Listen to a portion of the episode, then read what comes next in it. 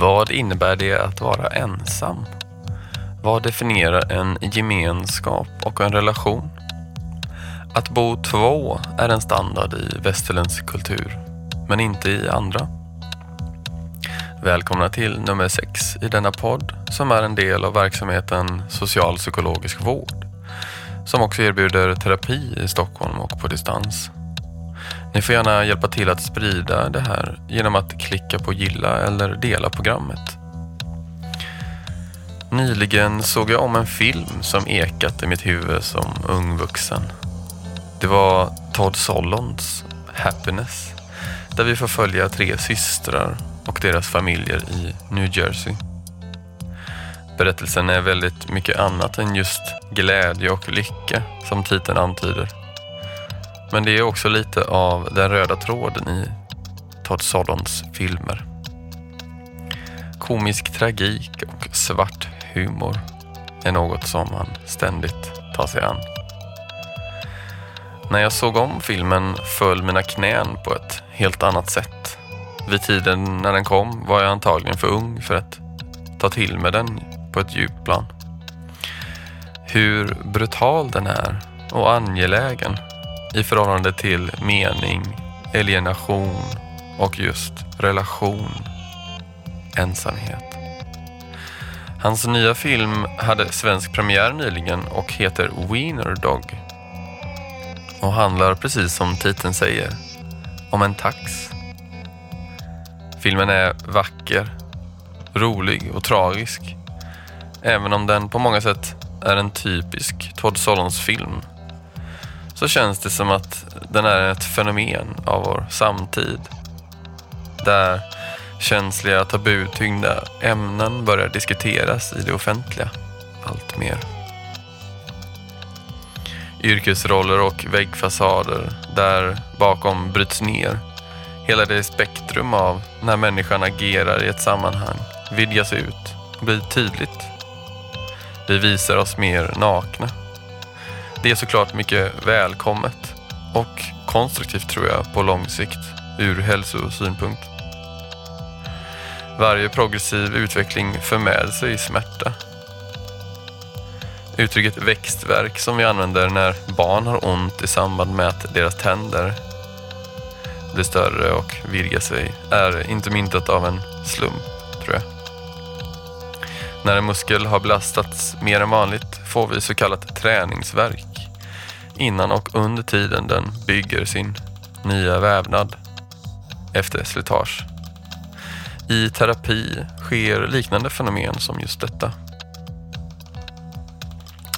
Men hur relaterar vi till djur och varför skaffar vi vissa av dem? Och ur ett moraliskt perspektiv har vi rätten att äga ett annat liv som dominerande art på denna jord. Allt det här vrids ut och in i Todds senaste film, vänds upp och ner. Till slut tvingas jag fråga mig själv vad jag tycker och känner.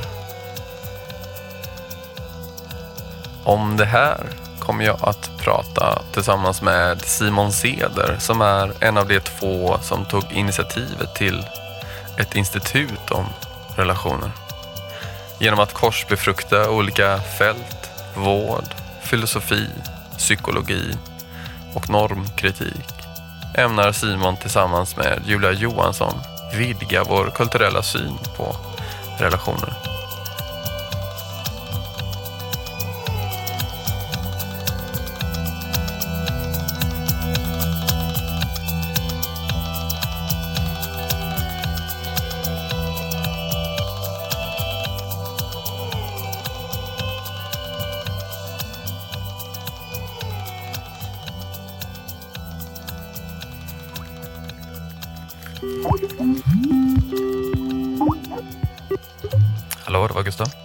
Sådär, nu är jag tillbaka.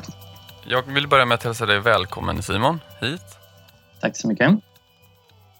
Jag är väldigt nyfiken på din eh, bakgrund och ert arbete på Relationsinstitutet. Så har du lust att börja med det? Ja, det kan jag göra. Ehm, så själv är jag, har jag bakgrund inom utbildningsfrågor. Jag eh, var gymnasielärare och jobbar med, även med sex och samlevnadsundervisning och jämställdhetsfrågor. Sen började jag eh, doktorera i pedagogik och då fick jag ett ökat filosofiskt intresse för relationer och skrev om eh, lärare-elevrelationer men också som pedagogiska relationer och kom in på olika teorier om relationalitet och relationer. Ehm, och någonstans där fick eh, jag hade en doktorandblogg där jag skrev också och där, någon gång där fick jag kontakt med eh, Julia Johansson som är baserad i Göteborg. Eh, hon hade haft en, en tanke om att starta ett eh, relationsinstitut som då skulle eh, vara bredare än att bara titta på relationer utifrån någon slags heteronormativt perspektiv. Och det skulle vara bredare än att titta på det utifrån något kärleksperspektiv.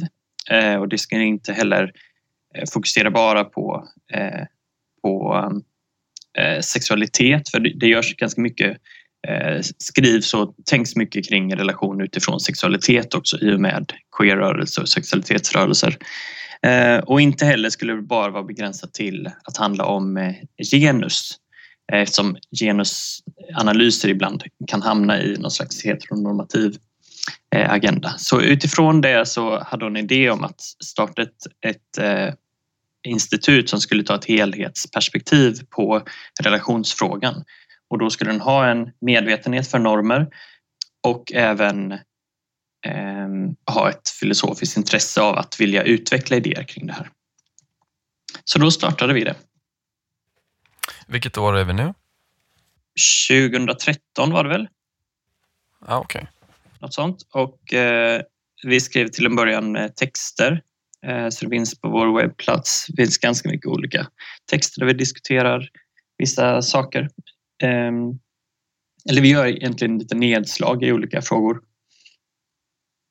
Och sen, eh, sen började vi göra panelsamtal, olika publika arrangemang. Är ni i Göteborg då eller är ni någon annanstans? Eh, jag är baserad i Malmö så de, mest, de flesta arrangemangen har varit här vi har haft några stycken i Göteborg. Jag såg också att ni flaggade om att skapa samtalsgrupper. Ja, precis. Det har varit en sak som har eh, blivit mer och mer aktuell. Eh, från början var det ju bara jag Julia och några få skribenter som jobbade. Sen när vi blev eh, offentliga och eh, jobbade med publika samtal, då märkte vi att då fick vi kontakt med mycket människor. Vi, efterhand så gjorde vi våra samtal mer och mer interaktiva. Så i början var det bara en panel som folk kom och lyssnade på och sen blev det mer med diskussioner och nu har vi alltid involverar vi alltid publiken på olika sätt genom övningar och diskussionsövningar i våra eh, arrangemang. Eh, för att vi märker att, att eh, det är inte bara någonting att ta in utan att folk vill verkligen diskutera det. Och som ett led i det så fick vi förfrågningar om, om finns det någonstans där man kan prata mer om relationer? Och då hade vi idén om att starta samtalsgrupper. Eh, så vi bjöd in folk till oss så hade vi arrangerat en trevlig kväll eh, och även eh, fick hjälp av serietecknaren Carolina Bong som har varit med i sådana här och lett sådana här samtalsgrupper förut. Så gav hon tips och vi pratade om olika relationer och sen grundade vi samtalsgrupper som vi sen släppte och de fick, skulle vara liksom själv, självorganiserande. Så vi har haft en sån uppstart i Malmö och en i Göteborg och vi kommer vi har fått fler förfrågningar i Malmö nu så vi kommer nog eh, försöka få igång en till sån under våren i Malmö. Mm. Vad kul. Ja, det är bra för att jag tror att många vill prata om relationer och inte bara utifrån ett specifikt eh, mål med relationen. Mm. Att det inte ska leda till, för, till den, den lyckliga romantiska kärleken. Det kan leda till det, men det är inte med relationer så mycket mer än det. Ehm, det hör också ihop med vilket typ av stöd man får från offentliga institutioner, också vilket stöd som finns i litteratur och vilka förväntningar som finns i, reproducerade i populärkultur och eh, litteratur också. Där det är väldigt mycket fokus på vissa typer av relationer och de andra aspekterna av relationen eller om man vill hantera relationen på andra sätt, de, de finns inte, det finns inte riktigt utrymme för det. Eh, så därför finns det ett stort, eh, en stor efterfrågan för att eh, prata om relationer på det här sättet. Hänger ditt arbete ihop, de här tre sysslorna som du nämnde? Mm, det hänger ihop på så sätt att de, de göder nog varandra rent tankemässigt. Att jag kan få idéer när jag läser till exempel som jag gjorde i min avhandling så läste jag mycket Karen Barad som är en, en feminist och fysiker, filosof, något slags, någon blandning där. Ehm, och hennes teorier om interaktion och eh, relationer. Ehm, där det har jag fått mycket inspiration från. Sen har jag läst mycket Don Haraway och andra som skriver om natur och djur och förstå. Eh, det gör också att jag fått djupare förståelse för eh, relevansen av, av icke-mänskliga relationer. Ehm, och förstå dem på djupet, inte bara som att ja, men de fyller ett, ett behov. Ett, alltså det är inte bara som ett, att de fyller ett psykologiskt behov eller det är trevligt att ha en hund utan att det, det, det att, att behandla dem som relationer.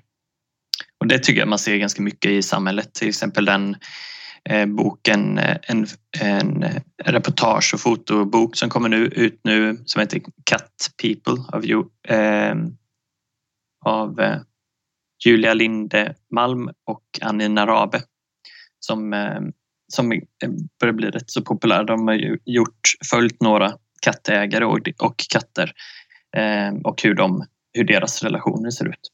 Mm. Eh, så det är ett av många exempel där, där liksom med, som vidgar begreppet för relationer tycker jag. Vi har inte stött på några, egentligen några eh, något egentligen motstånd.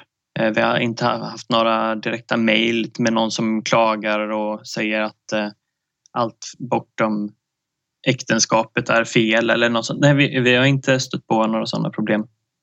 Eh, men däremot får vi berättelser av personer som stöter på problem i vardagen på grund av hur de lever.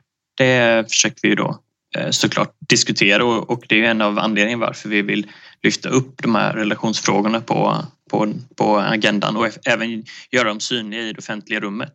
Det, till exempel så har, en, har vi haft några samtal med, eh, med mer profilerade Eh, författare. Eh, tre Augustprisvinnare har vi haft nu. Senast Lina Wolf, innan det eh, Jonas Hassan Khemiri och även Lena Andersson. Och i alla de, ja, nästan alla de samtalen så försöker vi liksom att inte bara stanna kvar i någon slags antingen heteronormativ agenda eller i någon slags eh, tvåsam agenda utan att, att, vi, att man också ser på alternativen bortom det och vad är premisserna? Varför tas de här relationerna för givna? Känns det som er riktning på relationsinstitutet har gått åt ett visst håll under den här tiden ni har varit verksamma? Alltså att ni är mer fokuserat på exempelvis eh, hbtq-rättigheter eller mm. Eh, levnadsformer? Nej, vi, har, vi fokuserar inte på hbtq-rättigheter för det finns andra organisationer som gör det och gör det väldigt bra. Utan vi är mer eh, och det var, men däremot finns det alltid med som ett självklart inslag. Ehm, så, men däremot så har vi alltid fokuserat på ehm, att idén om att det handlar in, relationer handlar inte om att bara lösa frågan om hur kan man uppnå eh, lyckliga kärleksrelationer. Det är inte det som är den stora knäckfrågan. Utan frågan handlar snarare om att varför fokuserar vi så mycket på den typen av relationer när det finns så många relationer som vi består av och får ut någonting av livet. Så snarare handlar det om att, eh, ja, vad kan man säga, decentrera frågan om kärleksrelationen till eh, att inkludera fler typer av relationer. Det är en av, eh, av, eh, Eh, av de viktiga aspekterna och även det har gått, eh, har gått mycket mot, eh, eller vi arbetar mycket med att försöka se på vilka, vilka, vad har, vilka grunder ligger för vissa antaganden om relationer. Varför är det så att så många vill leva två och varför ska man därmed Eh, eh, bo två till exempel? Det är ingenting som skulle vara självklart att, att man ska bo två. I många andra kulturer bor man inte två eller bo ensam om man inte har, ingår i en romantisk relation. Så, så det, så den, frågan om boende är en sån sak som har kommit upp kanske de senaste åren som jag tycker är väldigt intressant. Och, eh, vi har inte haft någon panel på den men det ligger, eh, det ligger som en av de frågorna som vi skulle vilja jobba mer med eh, framöver. Jag blir nyfiken på de här samtalen efter panelsamtalet. Mm. Skulle du säga att det är en lika stor del av eventet så att säga? Vi har gjort olika typer av event och grejen är att, att försöka, vi säger att vi har gått mer och mer mot diskussioner och mindre mot att leverera eh, från scen. Eh, så, eller vi blandar det men, men rent generellt så går det mot mer att, man, att vi är mer en mötesplats för att ligga till grund för att folk ska kunna prata om relationer och, och inte bara för mig, att man inte bara kommer dit och tar del av någonting. Eh, nu har vi en samtalsserie på restaurang Kaos i Malmö där vi har en kort introduktion bara, eh, cirka 20 minuter kanske vi hade senast och sen är det, är det resten är diskussioner utifrån temat och den här introduktionen och sånt. Då handlar det om digital dating. Och det var, det var eh, väldigt trevligt och också gör det att mer det skapas också, man skapar också kontakt mellan folk som är intresserade av att prata om relationer på olika slag. Mm. Eh, men samtidigt så häromdagen hade jag ett eh, författarsamtal med eh, Lina Wolf. Det var på Inkonst i Malmö och då var det bara jag och hon som pratade. Så, eh, men då var det mycket större publik. Men det fanns också interaktiva inslag. Så det har gått lite mot att ha mer socialt eh, men vi behåller andra också. Sen gör vi andra eh, saker också i institutet. Vi fungerar lite som en någon slags eh, eh, tankesmedja eller, så, eller tankeverkstad. Eh, och vi har eh, andra projekt eh, vid sidan av som inte är just eh, eh, offent, offentliga rummet. Skriv och diskussionsprojekt och även andra saker på gång som kommer nog så småningom fram. Mm. Det är ingen koppling till Stockholm eller så? Eh, inte i nuläget. Eh, det har vi inte, utan det, det, vi är ganska öppna för vad det är vi diskuterar men samtidigt är det ganska specifikt. Det kräver, krävs ändå att man eh, inte har exakt samma bild som vi men att man förstår problematiken i både att leva eh, av eh, inte leva i, men av att eh, konsekvenserna av att vi lever i ett, vad ska man kalla det, tvåsamhetssamhälle. Där förväntningen på att alla har en, en enstaka plus one. Och om man inte har, alltså en som man bjuder med på till exempel en fest eller på ett bröllop eh, och så vidare. Och att om man inte har en sån här självklar eh, plus one, då är man på jakt efter den plus one. Mm. Um, och den förväntningen på att, att det, om man inte har en, om man bor själv eller lever själv, att man då är ensam också. Den, uh, den är väldigt stark fortfarande. Och alla samtal har vi för att vi vill diskutera någonting för att förstå något.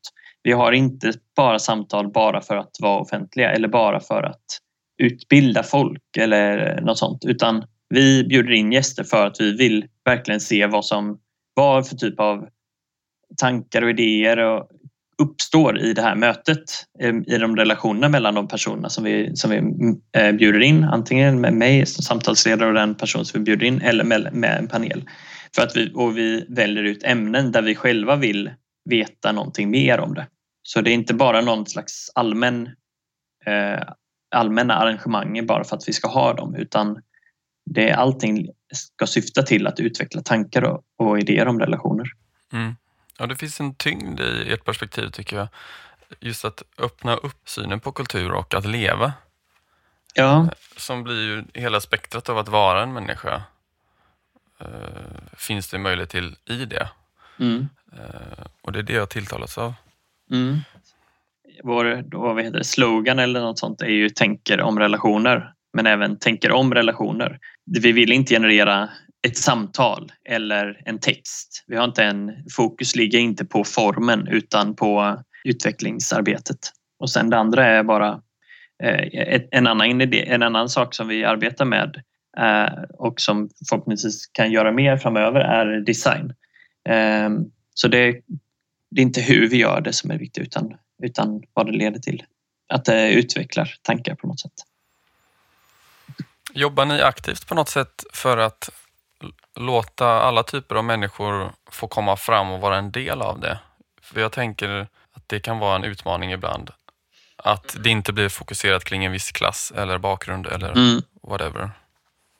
Ja, vi, vi tänker väldigt mycket på det faktiskt. Eh, och eh, alltid när vi lägger upp en struktur inför vad vi vill ha för teman och gäster så har vi, ett, har vi det som en väldigt eh, prioriterad fråga. Sen börjar vi kontakta folk som vi tycker är kompetenta och som vi vill gärna ha. Även med tanke på representation men, men framförallt när vi, när vi hittar någon som vi tycker är in, intressant. Ehm, och sen får det ett visst eh, utfall. Sen en annan sak är på vilka platser och arenor man syns. Och där syns vi ju på nätet och på, har vi nu varit på några kulturinstitutioner. Ehm, nu testar vi vara på en restaurang där, som, där vi inte behöver ha ett inträde för att kostnaden är lägre. De har en lokal där vi kan vara. Ehm, och jag tänker att även personer som kanske kommer dit och äter lunch kan se vår affisch och komma dit. Ehm, så det är också något vi funderar på men det är lite svårt att veta exakt vem, vem man riktar sig på för att man vill inte heller göra en, någon slags beräkning och säga så här, ja men den här, de här typen av människorna bor exakt där och de har inte varit än så länge eh, på våra samtal. Jag tror en del är vilka gäster man bjuder in. Det är superviktigt. Vi märker att eh, beroende på vad det är för gäst så får vi ett visst eh, framförallt det som syns mest eller märks mest är åldersgruppen.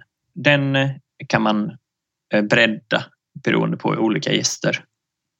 Eh, och det har vi, det, där har vi lyckats ganska bra. Hur har ni lyckats göra det? Blir nyfiken. Nej, vi, har, vi tänker på att inte bara ha, ha eh, personer med en viss, eh, av en viss ålder på scen eh, utan ha, försöka ha blandat. Och vi försöker alltid ha större blandning på... på... Så, så åldern på scen brukar speglas i klientelet som tittar? Ja, det, det kan vara och dessutom beroende på vad det är för lite också vad det är för arrangemang. När vi märker när vi har mer mot litteratur och något mer generellt. Till exempel vi hade ett samtal om eh, min fantastiska väninna Elena Ferrantes eh, roman.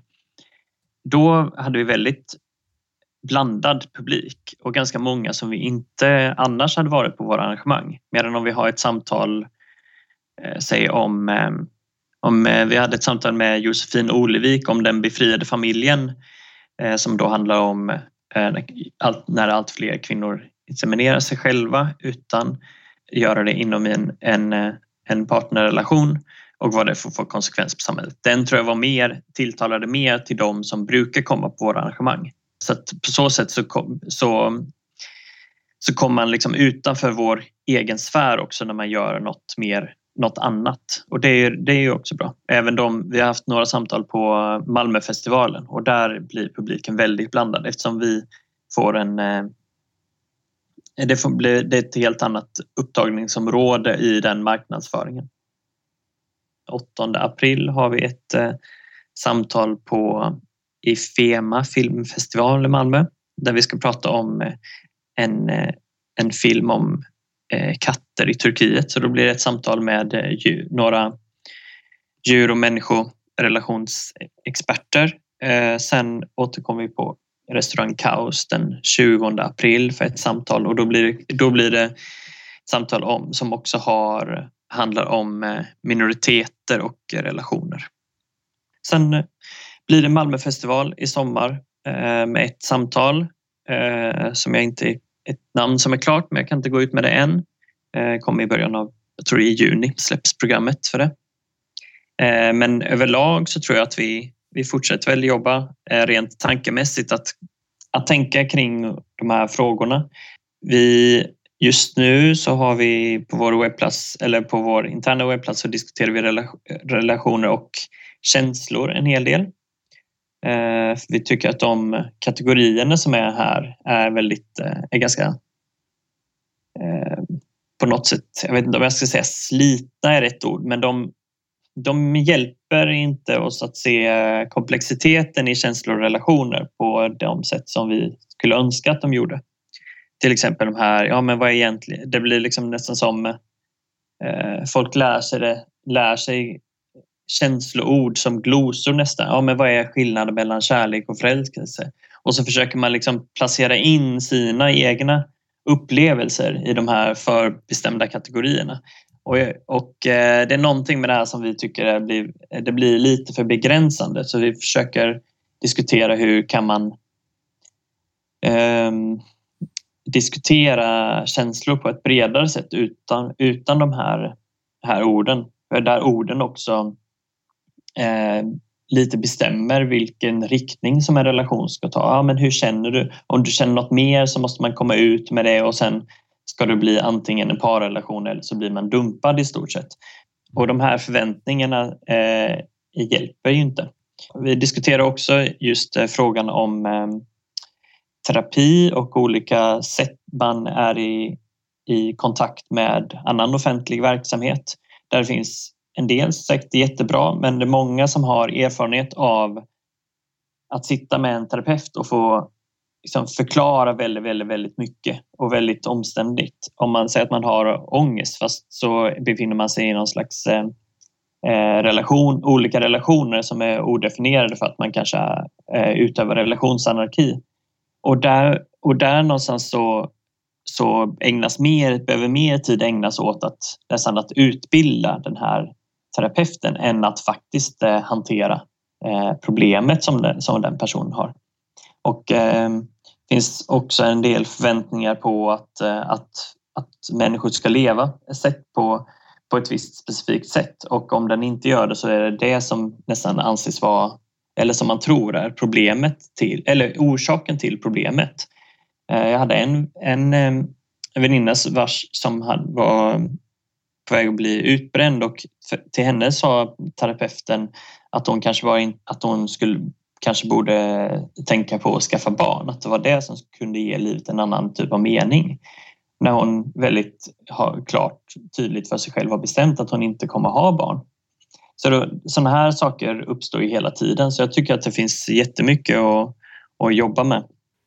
Jag tänker på andra språk också, att det finns olika begrepp för olika känslor om man tittar på Ja, precis. Det, är, det hade varit en, en väldigt bra ingång till, till det. det så de kanske borde ha en... Men det möter man ju till vardags också, att eh, någon säger att eh, ja, eh, på serbiska så har vi det här uttrycket, det finns inte här ja. där jag bor. Ja. Så jag vet inte hur jag ska förklara det här till dig. Nej. Det är liksom brännpunkten av ett sånt situation. Ja, precis. Och sånt, det är ju... Det, så det är väldigt centralt i, i hur vi språket eh, bestämmer ju hur vi är eh, mycket och hur vi, vilken typ av handlings, eh, handlingsriktning vi kan ta. Ja, så frågan är om man ska ha ett bredare språk, en större palett av, av relationsbegrepp och känslobegrepp eller om man helt enkelt bara inte ska definiera alls ibland. och det här är en fråga som liksom vi, det svajar nog lite fram och tillbaka här. Om man går in på de olika begreppen som finns kring icke tvåsamma relationer så är det allt från som man tänker eh, polyamori, öppna förhållanden och så vidare så är det ganska eh, mycket som är bestämt. Det finns också så här ehm, på hbtq som ofta lagt till ett A för asexualitet. finns också som jag hörde en eh, tips om nu finns det ett som kallas demisexualitet där man upplever sexuella känslor fast när man är i starka känslor tillsammans med någon, till exempel i en långvarig relation.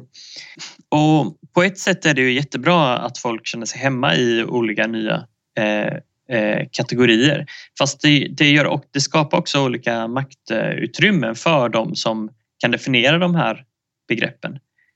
Eh, till exempel polyamori ska man då kunna känna känslor för flera. Aha, men är man inte polyamorös, om man vill ha flera relationer och värderar dem högt fast man inte känner känslor för dem? Eller är det, vad, vad, är det för typ av känslor som man ska känna för att det ska räknas som polyamori?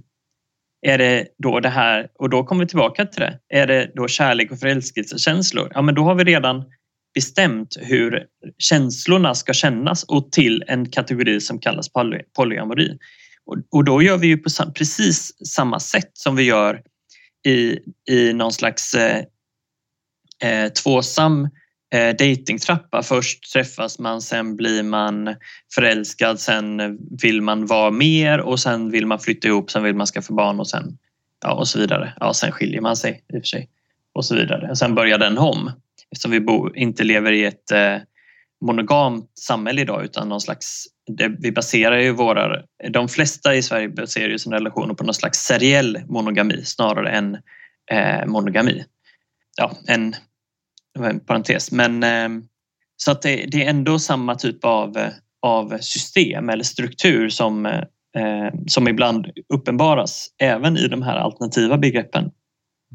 Där det inte görs riktigt lika mycket är ju kring begreppet relationsanarki där det just handlar om att inte sätta för mycket eh, eh, bestämda eh, kategorier på relationer och eh, också kunna uppvärdera alla typer av relationer. De måste inte vara eh, sexuella och romantiska för att eh, få en primär position.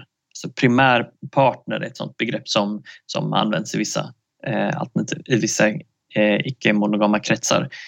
Eller, men eh, där upprätthåller man ju också någon slags prioriteringsordning. Den kan ju vara rent praktisk att det råkar vara så att någon är primär.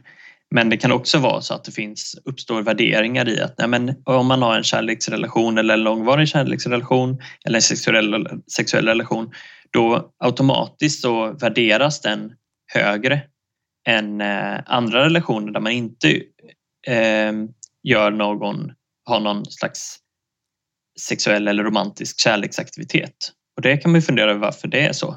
Varför inte värdera upp eh, relation, boenderelationen tycker jag absolut borde eh, värderas upp. Eh, vissa arbetsrelationer, eh, att man delar, har gemensamma ansvarsprojekt. Till exempel som att eh, man delar ansvar för ett eh, husdjur eller för eh, ett hus eller för ett boende eller för en bil eller, eller för någonting. Eller barn kan det också vara. Eh, och de här typerna av relationer som är väldigt viktiga men ofta så förstår vi dem bara utifrån formen av aha, det är en vän eller det är en partner. Och det är så otroligt mycket där där bortom det som, som eh, inte passar in i de här två eh, kategorierna. När man tittar på vad man egentligen gör i relationen. Mm. Så det, det, det finns väldigt mycket att jobba med tycker jag. Det blir ett sätt att kristallisera vad som är viktigt för människor. Framförallt i ett terapeutiskt samtal. Att, att låta det, både känslor och även begrepp vad som finns där bakom som betyder väldigt starkt. Mm. Om man vecklar ut det så får man reda på ganska mycket också vad en person vill. Men då gäller det ju att personen kan väl liksom reda ut det där också. Det är det som är själva utmaningen. En, en, att det finns någonting som en individ vill också. Ja, precis. Ehm, att det, för det, det är ju en... Om man en grej med relationsinstitut är ju att det var en kraft mot någon slags eh, individtänkande också. Att eh, grunden för all mänsklig tillvaro eh, tänker inte jag i alla fall och tänker nog inte de flesta hos oss är eh, en enstaka individ utan eh, i alla fall för mig rent individuellt så har jag någon, snarare att en, en relationell världssyn och att eh, världen uppst, eh, består av en mängd olika relationer hela tiden. Eh, och att eh, individen, vad en individ är, är att ingå, är, att, eh, är en, en, en konsekvens eller en effekt av att vara i en mängd olika relationer. Jag är en sån person som, eh, som eh, eh som gör en viss aktivitet för att jag gör den i ett sammanhang eller för att eh, eh, för att jag gör det med en, en annan person eller med personer som finns på den platsen. Det är det som utgör vem jag är och, och även på grund av de relationerna som jag hade i min barndom, i min tonår, de eh, materiella relationerna eh, som finns i min, eh, i min genetik och så vidare. Så det, det, det finns en, en slags relationalitet hela vägen eh, som jag tänker i alla fall. Det är väl också därför isolation och ensamhet kan ha så katastrofala effekter på, på oss. Ja, det, det kan hon nog ha. Men det är också varför folk också tror att vissa är mycket ensamhet och isolation kommer ju ur en förväntan på att den personen ska vara ensam, till exempel om den inte har en partner. Mm. Eh, jag överhörde ett sådant samtal. Ja, den här personen här, um, har hon träffat någon än? Och då svarade den andra, nej hon är fortfarande ensam. Och jag tyckte att eh, nu menade de kanske inte exakt så, men och sen var det så här, aha, vad, vad synd. Eh, och, och just den här förväntan på att, att det är just i, i den romantiska tvåsamheten, att det är bara där som livet kan få sin mening. Eh, det... Ja, då förstärks ju ensamheten ännu mer. Ja, och dessutom är det ju jättemånga som kan känna sig ensamma i relationer. Relationer är ju inte en är, är ju inte en, gar en garant för att man inte känner sig ensam. Det är ju en känsla. Eh, så snarare handlar det om, om något, något annat att kunna... Så ensamhet borde vara upplevelse av ensamhet egentligen som definition? Ja, ensamhet används ju på två sätt. Dels som att, att bo ensam eh, eller att leva ensam, det vill säga att man inte delar sin eh, närmaste vardag på något sätt. Fast, fast eh, det, för det sättet är väldigt konstigt att säga ensam för att det är ju inte så. Man är inte ensam. Folk mm. går in via både att man har kontakt via eh, digitala medier men kanske att man lever med ett, ett husdjur. Är man, lever man ensam då? Ja, fast det gör man ju inte. Det är bara att vi värderar bara en viss typ av relationer. Eller någon som ja, hon lever ensam fast hon har en inneboende och de pratar varje morgon. Lever den personen ensam då? Ja, men då är vi utanför upplevelsen. Mm, precis. Det är någon så, annans upplevelse ja, det av det. Ja, och, så, och det är framförallt den. Och det är därför, eh, för vi riktas ju på att, eh, att bryta upp en hel del av de här normerna och förväntningarna. Eh, så därför, så vi har ju säga att vi har en medvetenhet för normer i relationsperspektivet. Eh, och det är där som vi eh, lägger ganska mycket av, av kraften också för att visa att upp, om vi då pratar om det som du sa, upplevelsen av ensamhet, den är ju då inte beroende av exakt de relationskategorierna där vi vanligtvis brukar förklara att, eh, att ensamhet inte finns, till exempel med sina barn eller med, sin, med en partner och så vidare. Utan den är, den är inte en, en, en effekt av att de här eh, uteblir. Ni lyssnar på avsnitt 6 ur podden Socialpsykologisk vård, essäer och intervjuer som denna gång handlar om relation och ensamhet. Vi träffar Simon Seder från Relationsinstitutet. Länk till deras hemsida finns längre ner där avsnittet postats. Om min verksamhet och denna podd kan ni läsa mer om på www.socialpsykologiskvärld.se.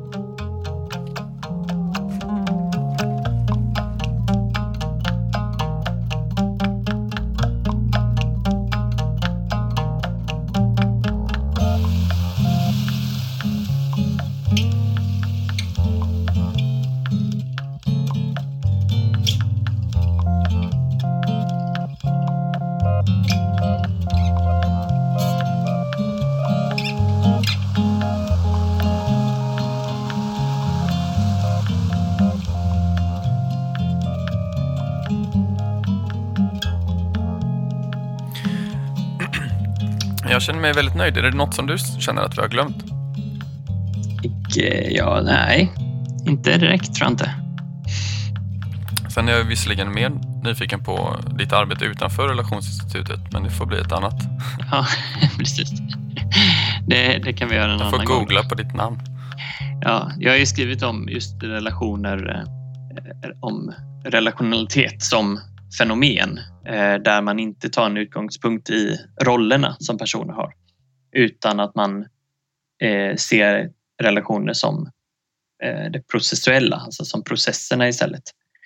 Eh, och då använder jag ett begrepp som jag kallar intrarelationalitet för att skilja från inter. Interaktiv är ju att två delar går in och får, har någon slags utbyte och sen lämnar de utbytet. Men intra Eh, aktivitet är ett begrepp som används för att visa att nej, men de är redan. Det relationen föregår eh, det, det, de är, det de enstaka delarna är. Så det är ett, ett sånt begrepp som För det är ett begrepp som jag tänker knyter an till upplevelse också. Alltså intra, hur relation upplevs. Eller hur ensamhet upplevs. Att man lämnar själva det objektiva i att ja, men du är ensam. Men så säger personen, men jag känner mig inte ensam. Och då är man ju liksom i en återvändsgränd i en sån diskussion. mm, Men jag ser ju att du är ensam. Men så säger personen igen, men jag känner mig inte ensam. Jaha, vad kommer man fram till då? Vad jag tänker? Ja, precis. Ja, eh, det har inte exakt med det här att göra, eh, utan det handlar, för detta är ett, eh, ett begrepp som går bortom också det mänskliga och bortom upplevelse, utan handlar om, om eh, någon slags eh, eh, filosofisk grundsyn eller världs, världsåskådning snarare. Mm. Där, eh, Ja, det var bara som, en utstickning. Ja, men, men man, kan se, man kan ju använda det på något sätt eh, som det. Eh, där skulle jag säga kanske att, att personerna som förväntar då eh, har redan, eller de som säger ja, men jag ser att du är ensam. De har ju redan en påverkan på den andra individen genom den förväntan på, Mm. på, på ensamheten och vilket också då kan skapa upplevelsen. Ja. För att upplevelsen är inte oberoende av normerna och förväntan. Ja, det blir ju typ av våld egentligen när man eh, säger hur en person upplever något Ja, också. mm. Men det förekommer ju väldigt ofta. Ja Tyvärr. det gör det nog. Vi jobbar ju liksom mer eh, genom olika eh, discipliner eh, och har inte berört en enstaka disciplin. Och vi jobbar ju inte heller forsknings eller praktiskt. Eh, men vi har ju en av spåren har varit, som, vi, som just nu är lite vilande, är just det här med eh, eh, kontakt med, eh, vad kallar vi det, vård och terapi eller någonting sånt. Eh, just för att det finns eh, väldigt mycket, det är många, vi har, har så pass många berättelser därifrån som eh, med personer som blivit missförstådda eller som inte kan tillåts ha liksom en alternativ relationssyn. Så det finns nog ganska mycket att jobba med där och jag tror att, att det finns ganska mycket i de, de eh, antagandena inom eh, psykologi som, som man eh, skulle kunna fundera över. Mm. Eh, till exempel Carolina Bong i serie, som är serietecknare och som vi också eller som är med i Relationsinstitutet. Eh, hon har skrivit en, eh, en seriebok som heter Alternativet som handlar om relationer. Och där går hon- igenom olika, vad ska man kalla det, relationshjälpböcker eller självhjälpsböcker fast de har relationstema. Och där hon diskuterar till exempel eh, anknytningsteori och inte teorin i sig att den är fel utan hur den används och används för att förklara hur man kan hantera och eh, träffa och få att fungera den, en romantisk tvåsamhet. Och eh, det är ju ingenting som i den teorin som säger att personer ska ha eller ska, att den ska leda fram till en romantisk tvåsamhet.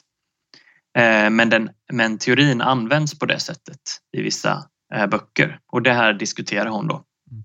Och det finns också ett, ett klassperspektiv med. För att många exempel är så här, ja men hon är framgångsrik reklamare och bor i en villa och nu har hon problem med, sitt, eh, med sin, sin partner.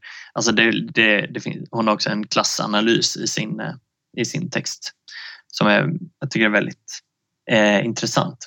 Eh, så det finns, eh, finns många antaganden. Eh, många tror att, eh, att eh, psykologi och andra vetenskaper är, är objektiva och eh, vi menar väl att, att det finns många antaganden som görs när man inte ser att de är antaganden. Och det här måste man alltid vara väldigt uppmärksam på. Och det ligger, det vet jag ju, det ligger ju i när det är en bra terapeut gör ju detta. Men eh, eh, och kan ha en uppmärksamhet på eh, hur individen upplever och lever. För människor som söker dit befinner sig i någon typ av mindre eller större kris och då mm. hamnar mm. personen i ett underläge i makt. Ja. Och framförallt om det är ett slutet rum också. Och eh, det, det måste ju personen vara medveten om. Och jag själv har varit med om eh, stolpskott inom eh, IVO-granskade myndigheter och allt möjligt. Som, som har varit så här, hur kan den här personen sitta och göra så här? Mm. Och det är ett problem. Mm. Och det är ju, det är ju, finns ju i alla yrkeskategorier. Ja, jo. Um, Men det är ett ansvar som eh, borde tas på större allvar. Ja, absolut. Um, och just den här att om man, om man möter då som terapeut eller som, det kan ju vara som läkare eller vad det nu än, än är, som lärare, att man ja, men jag tror det finns en otroligt stor okunskap om olika relationsformer.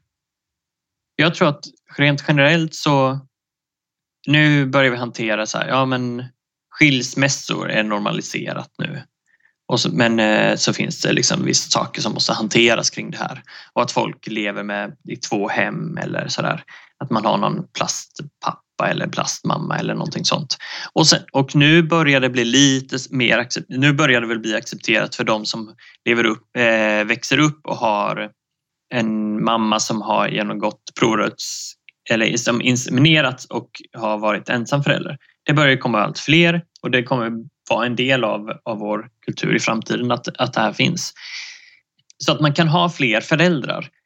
Men de föräldrarna kan inte ha, det kan ändå bara vara, finns ändå en förväntan på att det bara är två som har någon slags romantisk eller sexuell eh, eh, relation. Eh, otrohet är ju till exempel otroligt stigmatiserat i vårt samhälle för att det inte tillåts inom ramen för det här. Men det tillåts inte något väldigt, väldigt, tillåts väldigt lite annat, andra alternativ också. Att, eh, att eh, få utrymme för olika känslor eller, eller begär i vissa relationer. Något som börjar bli väldigt populärt eller populärt, ja, men mer och mer vanligt är ju öppna relationer. Att man har någon typ av eh, ganska vanlig relation fast man har en öppenhet inför att eh, ha flörtar eller sexuell, kortare sexuella kontakter vid sidan av. Eh, inom eh, eh, homosexuella kretsar är det här kanske mer vanligt. Men även inom, jag skulle säga att här i Malmö i alla fall, där vissa kretsar jag rör mig, är det, börjar det bli ganska vanligt även inom andra kretsar. Och det är ju en typ, det är kanske lättare, en light-version av att, eh, att öppna upp eh, sina relationer. Eh, och sen därefter kanske man ser att aha, men eh, nu är det ju inte bara eh, sex, nu kanske vi också har känslor. Ja, men hur hanterar man det? Då är många öppna relationer säger att nej, men då måste den här relationen brytas eh, för att ge företräde åt den relation som var där först. Eller så inser någon att nej, men det är ju den här jag egentligen vill vara med och så börjar en ny relation och så bryts den gamla relationen fast det börjar en ny relation med den första som sen kanske efter ett tag öppnas upp och så blir det liksom en sån här så det blir ändå en likadant som jag sa i samhället idag generellt så lever vi i ett seriellt monogamt samhälle så blir det här en seriell eh, öppna relationer ja, istället för seriell monogami så blir det eh, öppna relationer som blir seriellt. Så frågan är ju då därefter är ju nästa steg då att som någon slags polyamori eller relationsanarki att man kan ha en ytterligare steg i öppenheten inför vilka relationer och vilka eh, aktiviteter i relationer som vi kan tillåta och som vi kan tillåta parallellt. Och här är ju eh, heterosexualiteten är ett, ett jätteproblem när det gäller det här.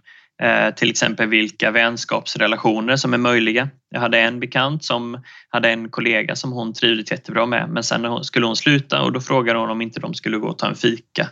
Och då så drog han hela tiden på, på det här eh, svaret och sen till slut sa han att nej men jag vet inte vad min flickvän skulle säga om det. Så de har umgåtts på jobbet varje dag eller ja, varje arbetsdag under hur lång tid som helst men de kunde inte ses på en offentlig plats och ta en fika. För då var det ett, eh, ett brott mot liksom, eh, något förväntat begär eller någonting sånt. Trots att det inte alls var något, det var rent vänskapligt. Så det eh, eh gick inte. Så det, så det är ett av många exempel där, där det finns otroliga begränsningar på vilka relationer som vi kan skapa idag.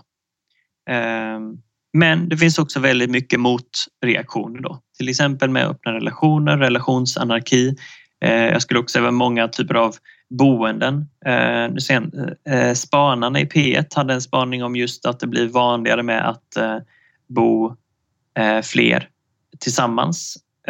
Och det här är bland annat med till exempel i Stockholm med höga boendekostnader.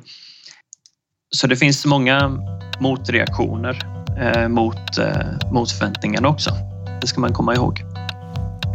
Yes. Okej, men tack så jättemycket för att du ja. ville vara med Simon.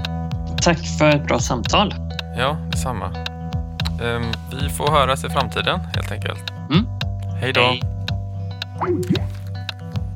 Jag vill tacka för att du lyssnat på detta avsnitt om relation och ensamhet som rundar av min första serie i sex delar med inriktning på verksamma inom fältet psykisk hälsa och vård. Personen ni hörde var Simon Seder från Relationsinstitutet. Länk till deras hemsida finns längre ner där avsnittet postats. Socialpsykologisk vård är en verksamhet som erbjuder samtalsterapi i Stockholm och på distans. Du kan läsa mer om det på www.socialpsykologiskvärld.se. Hjälp gärna till att sprida denna podd genom att gilla eller dela den. Vi finns också på Facebook. Sök på namnet. Tack igen för att du lyssnade. Jag heter Gustav Lund.